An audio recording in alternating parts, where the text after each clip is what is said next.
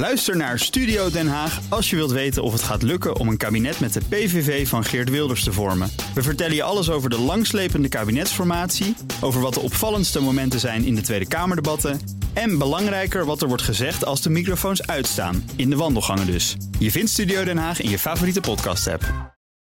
De column van Jaap Jansen. De kabinetsformatie van 2021 wordt een soort Temptation Island. Je begint met een grote groep en er valt misschien iemand af, zei een van de partijleiders mij een tijdje geleden. Te veel afvallers is niet gewenst, want voor een werkbare meerderheid heb je al gauw vijf, misschien wel zes partijen nodig.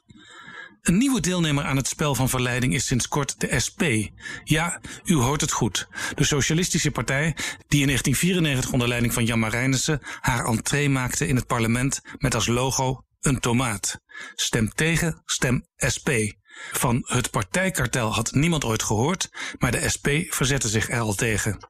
Hoewel de leus later veranderde in stem voor, stem SP, bleef ze toch vooral een tegenpartij, wars van samenwerking. In de formatie van 2017 gooide toenmalige leider Emiel Roemer meteen de deur dicht. Zijn partij wilde niet met de VVD. Zelfs een verkennend gesprek ging al te ver. Op het Binnenhof klonk de verzuchting: waren ze maar tenminste bereid om te praten? Dat zou de formatiepuzzel misschien niet gemakkelijker, maar wel op meer manieren oplosbaar maken. Lokaal en provinciaal liet de SP al zien dat ze prima bestuurders kon leveren.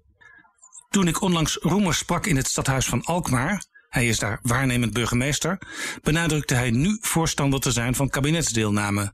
En, belangrijker, lijsttrekker Lilian Marijnissen is dat ook, zelfs met de VVD. En achter de schermen heeft de SP al eens aan het CDA laten weten dat regeren ook kan zonder Partij van de Arbeid.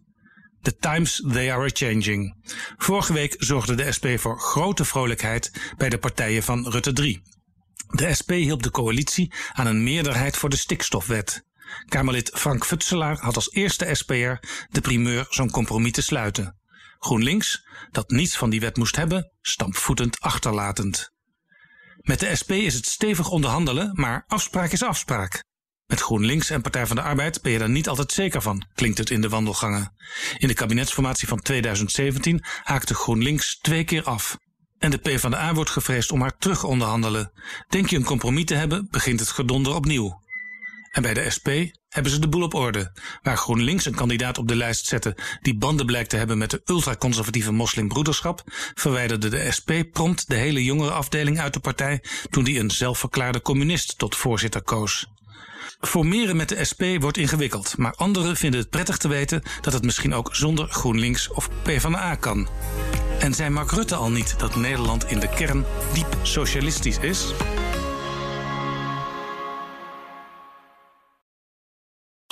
Ook Diana Matroos vind je in de BNR-app. Ja, inderdaad. Je kunt live naar mij luisteren tijdens de Big Five.